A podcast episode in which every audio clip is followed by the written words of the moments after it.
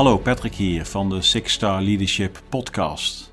Nou, ik zit hier in de studio in Haarlem en het is een, eh, een extra uitzending. Ja, we hebben geen gast vandaag, maar we hebben wel iets anders moois te delen. En dat is het volgende.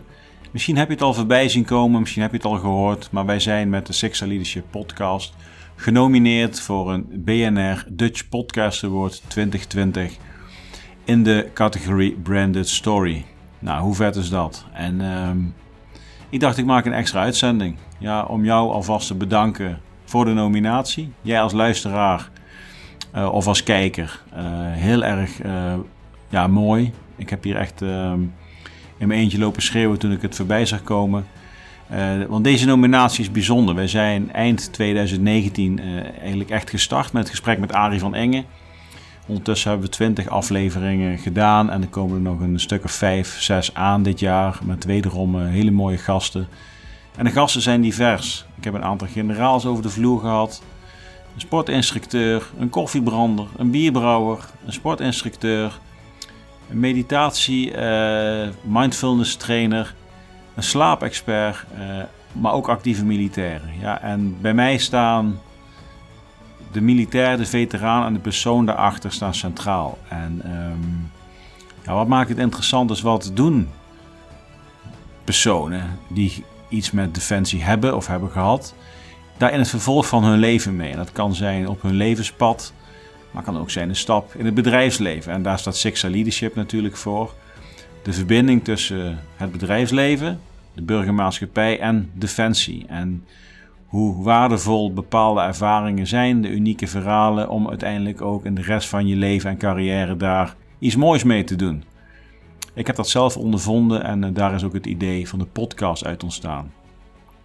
We zijn dus genomineerd en ik denk dat dat ook een, ehm, een heel dankbaar signaal is naar, naar uh, veteranen en militairen toe. En gelukkig zijn er steeds meer podcasten die de militairen en de veteranen centraal stellen. En dat is belangrijk, want veteranen en militairen doen bijzondere dingen of hebben bijzondere dingen gedaan. En uh, die verhalen die moeten gehoord worden. Ja, ik denk dat er, dat er podiums genoeg zijn en gelukkig steeds meer zijn waarin wij als veteranencommunity onze stem kunnen laten horen en kunnen delen wat wij hebben gedaan en wat we nu ook doen.